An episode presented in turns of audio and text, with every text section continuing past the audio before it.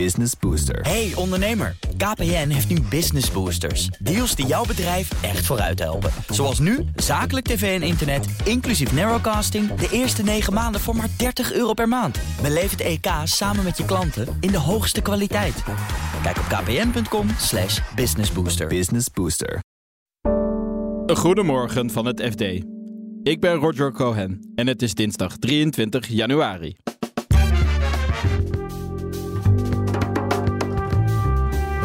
E-bike fabrikant Stella moet nog miljoenen aan achterstallige BTW betalen aan de Belastingdienst. Alles wat wij kunnen zien is dat er materiële onjuistheden in de jaarrekeningen zijn beslopen. Drinkwaterbedrijven maken zich grote zorgen over het gebruik van PFAS in de landbouw. Het spoelt dus ook vanuit pesticiden het water in.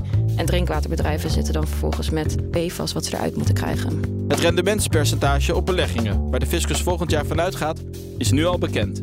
Vervolgens moeten beleggers dan over dit percentage opbrengst 36% belasting gaan betalen in box 3. Dit is de dagkoers van het FD. E-bike fabrikant Stella heeft grote fouten gemaakt in de BTW-aangifte. Het bedrijf had al een zware tijd achter de rug en moet nu ook nog eens grote bedragen terugbetalen. Zo vertelt onderzoeksjournalist Sonny Motke. Er is een sprake van een correctie van uh, in totaal 2,7 miljoen over de jaarrekening van 2021. En dat gaat dus over uh, ja, BTW-correcties.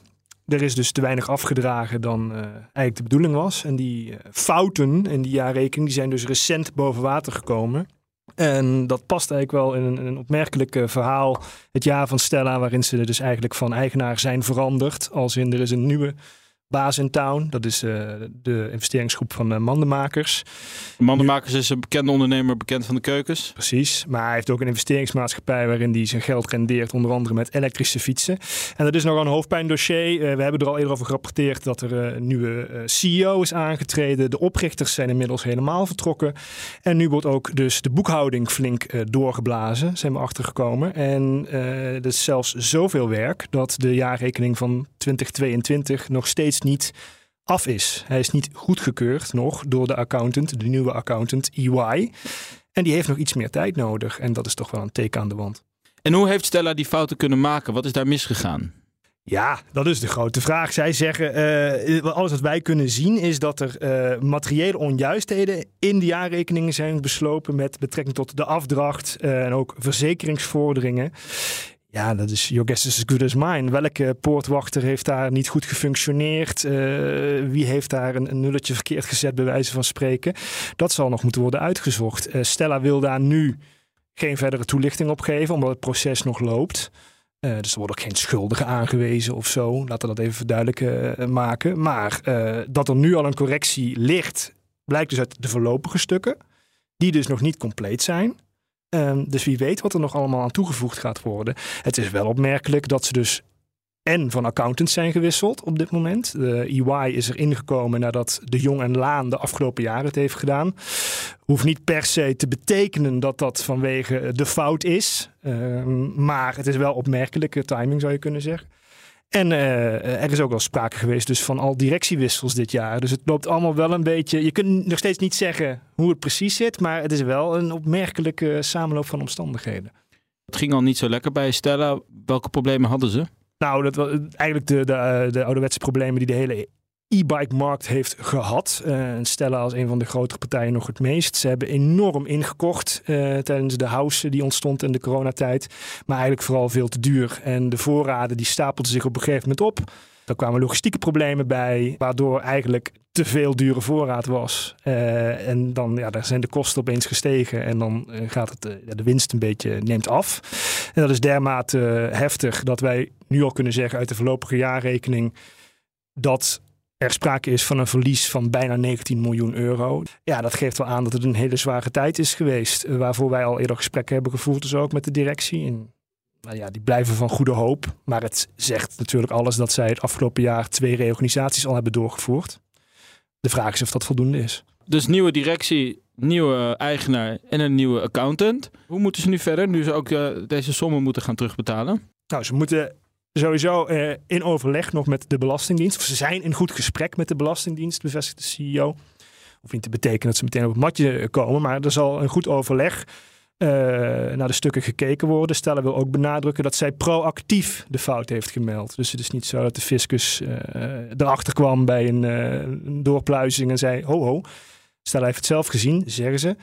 En daarom nu een goed overleg. Maar wat daar uit gaat komen, ja, dat is nog even gissen. Het, het duurt allemaal wat langer.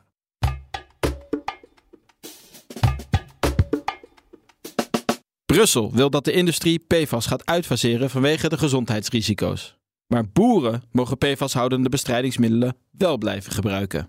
Drinkwaterbedrijven maken zich grote zorgen over de PFAS-stoffen die daardoor in het water terechtkomen. Redacteur Voedselketen Marijn Blankenstein vertelt waar het de drinkwaterbedrijven om te doen is. Drinkwaterbedrijven maken zich nu vooral zorgen om de PFAS die ze vinden in het water afkomstig van pesticiden. Die overschrijden al de veilige drinkwaternorm. En het kost drinkwaterbedrijven heel veel tijd en moeite en uh, geld om dat middel eruit te krijgen. Het staat ook bekend om hoe hardnekkig PFAS is. Het is bekend van de anti-aanbaklagen in pannen en het laagje water afstotend over je regenjas heen. Maar het spoelt dus ook uit vanuit pesticiden het water in. En drinkwaterbedrijven zitten dan vervolgens met PFAS wat ze eruit moeten krijgen.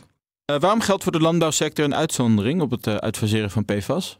Ja, omdat in Brussel hebben ze besloten dat vanaf 2025 dus de industrie PFAS moet uitfaseren en andere producenten. Maar pesticiden worden al gereguleerd onder pesticidenwetgeving. En uh, pesticiden worden niet zomaar toegelaten, zegt ook de toezichthouder. Er wordt heel goed gekeken naar allerlei eigenschappen, dat ze niet schadelijk zijn voor mensen en milieu. Maar drinkwaterbedrijven zeggen daar tegenover, ja, maar de huidige wetgeving voor pesticiden is niet streng genoeg als je kijkt naar de drinkwaternormen.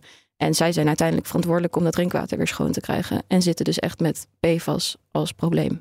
En wat zijn de gevaren van PFAS? Ja, PFAS wordt gelinkt aan um, teelbalkanker, verminderd immuunsysteem, verminderde vruchtbaarheid. Dus de kans daarop, uh, je kan dat krijgen door in aanraking te komen met PFAS. Ja, niet alle PFAS is schadelijk, toch? Nee, PFAS zijn een hele grote groep aan stoffen. En uh, je hebt kortere ketens en langere ketens, maar ook die kortere, die dus ook bijvoorbeeld in PFAS-pesticiden zitten, die kunnen nog wel afbreken ook tot een product vervolgens in het water, wat ook wel echt heel schadelijk is. Oké, de drinkwaterbedrijven, ja, die maken nu hier een punt van, hè? die maken zich zorgen. Wat is nu het vervolg? PFAS en pesticiden valt dus buiten het verbod wat eraan zit te komen. In 2025 moet die wetgeving uh, helemaal uitgerold zijn. Dat is Europese regelgeving? Ja, dat is vanuit Brussel is dat besloten, omdat PFAS dus worden gelinkt aan uh, zulke gezondheidsrisico's en gewoon gevaarlijk zijn voor mensen en milieu, willen ze vanaf 25 dat de industrie en uh, andere producenten PFAS gaan uitfaseren. En wat zou het voor de landbouw betekenen? Want nu hebben ze nog wel kennelijk die pesticiden uh, met PFAS nodig, of die achter nodig. Uh, wat zeggen landbouwbedrijven hierover? Ja, het gaat dus om tonnen per jaar, maar het is een beetje onduidelijk of boeren ook echt altijd weten dat ze PFAS uitstrooien over hun land. Want het staat ook niet, de toezichthouder zegt het ook niet uh, dat het verplicht moet zijn op de verpakking of iets. Het is vrij lastig om te zien voor boeren of er PFAS in zit. Dus het is ook niet duidelijk of elke boer weet dat ze over hun land PFAS uitstrooien of spuiten.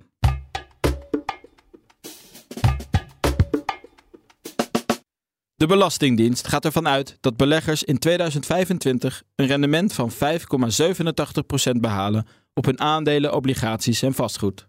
Dat heeft de bank ABN AMRO Mees Pierson al berekend. Redacteur Belastingen Laurens Berendsen legt uit waarom dit een belangrijk getal is. Er staat dus nu al vast dat de fiscus over 2025 bij beleggingen in vastgoed, aandelen en obligatie van dit eh, rendementspercentage uitgaat. En vervolgens moeten beleggers dan over dit percentage opbrengst 36% eh, belasting gaan betalen in box 3. Zoals het er nu naar uitziet, als dat tarief niet veranderd wordt. En hoe kan het dat uh, ABN AMRO Mees Pierson dit al, nu al weet, terwijl de Belastingdienst het pas bekend maakt in december? Ja, dat is dus wel bijzonder. Uh, kijk, de, de formule aan de hand waarvan dat uh, percentage wordt berekend, die formule is bekend. Dat is een vrij ingewikkelde wiskundige formule die uitgaat van langjarige rendementen. En de laatste gegevens die in die formule een rol spelen, die zijn van uh, 2023. Dus zeg maar twee jaar voor het jaar waar het werkelijk over gaat. Uh, en de laatste cijfers die ABN AMRO Mees Pierson nodig had, zijn gisteren bekend geworden. Dat is namelijk wat de huizenprijzen in Nederland vorig jaar hebben gedaan. Dus aan de hand van, uh, van al die gegevens uh, kan de bank alvast uitrekenen wat het percentage wordt, het rendementspercentage. En ja, de Belastingdienst is tot nu toe uh, gewend om dat gewoon pas in december bekend te maken. Dus uh, voor iedereen met vermogen geeft dit extra duidelijkheid in welke percentages ze straks rekening moeten gaan houden? Ja, dat, dat geeft wat extra duidelijkheid. En het percentage is ook iets lager dan wat voor 2024 is vastgesteld. Want toen lag dat namelijk net boven de 6 procent. Nou is er eerder best wel wat gedoe geweest over de fictieve rendementen waar de Belastingdienst van uitgaat bij het invoeren van dit soort heffingen, ook op sparen. Kan je uitleggen waarom dat zo uh, gevoelig ligt? Kijk, bij sparen is daar inmiddels wel een oplossing voor gevonden. In het verleden is er van uitgegaan dat, dat mensen met vermogen uh, een bepaald deel spaarden en een bepaald deel belegden. Sinds 2021 uh, heeft de Hoge Raad daar een stokje voor gestoken. Die heeft gezegd, je moet uitgaan van de werkelijke verdeling tussen sparen en beleggen. Nou, dat doet de Belastingdienst sindsdien ook.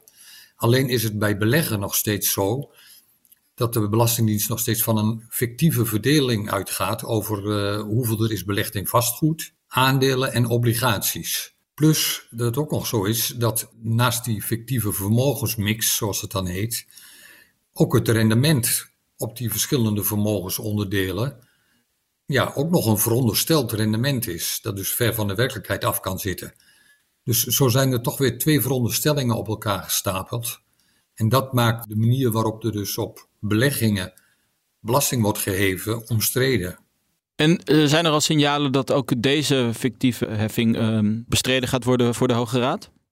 Ja, er, er loopt een procedure waarin dus de belastingheffing op beleggingen onder vuur ligt. Juist vanwege die uh, dubbele veronderstelling. En daarover heeft uh, de advocaat-generaal, dat is de adviseur van de Hoge Raad, zich al uitgesproken. En die heeft gezegd van ja, dat kan inderdaad niet. Je mag niet op die manier uh, veronderstellingen stapelen. En de verwachting is dat de Hoge Raad daar medio maart een definitieve uitspraak over gaat doen. En dat zou kunnen betekenen dat als de belastingplichtigen gelijk krijgen, nou ja, dat uh, beleggers nog wat geld uh, terug kunnen verwachten van de Belastingdienst.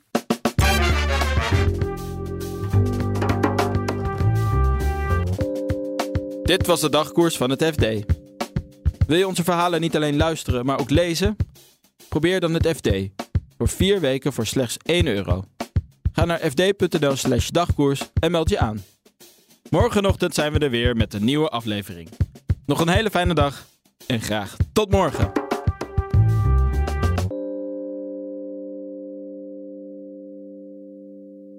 Business Booster. Hey ondernemer, KPN heeft nu Business Boosters. Deals die jouw bedrijf echt vooruit helpen. Zoals nu, zakelijk tv en internet, inclusief narrowcasting... de eerste 9 maanden voor maar 30 euro per maand. Beleef het EK samen met je klanten in de hoogste kwaliteit. Kijk op kpn.com businessbooster. Business Booster.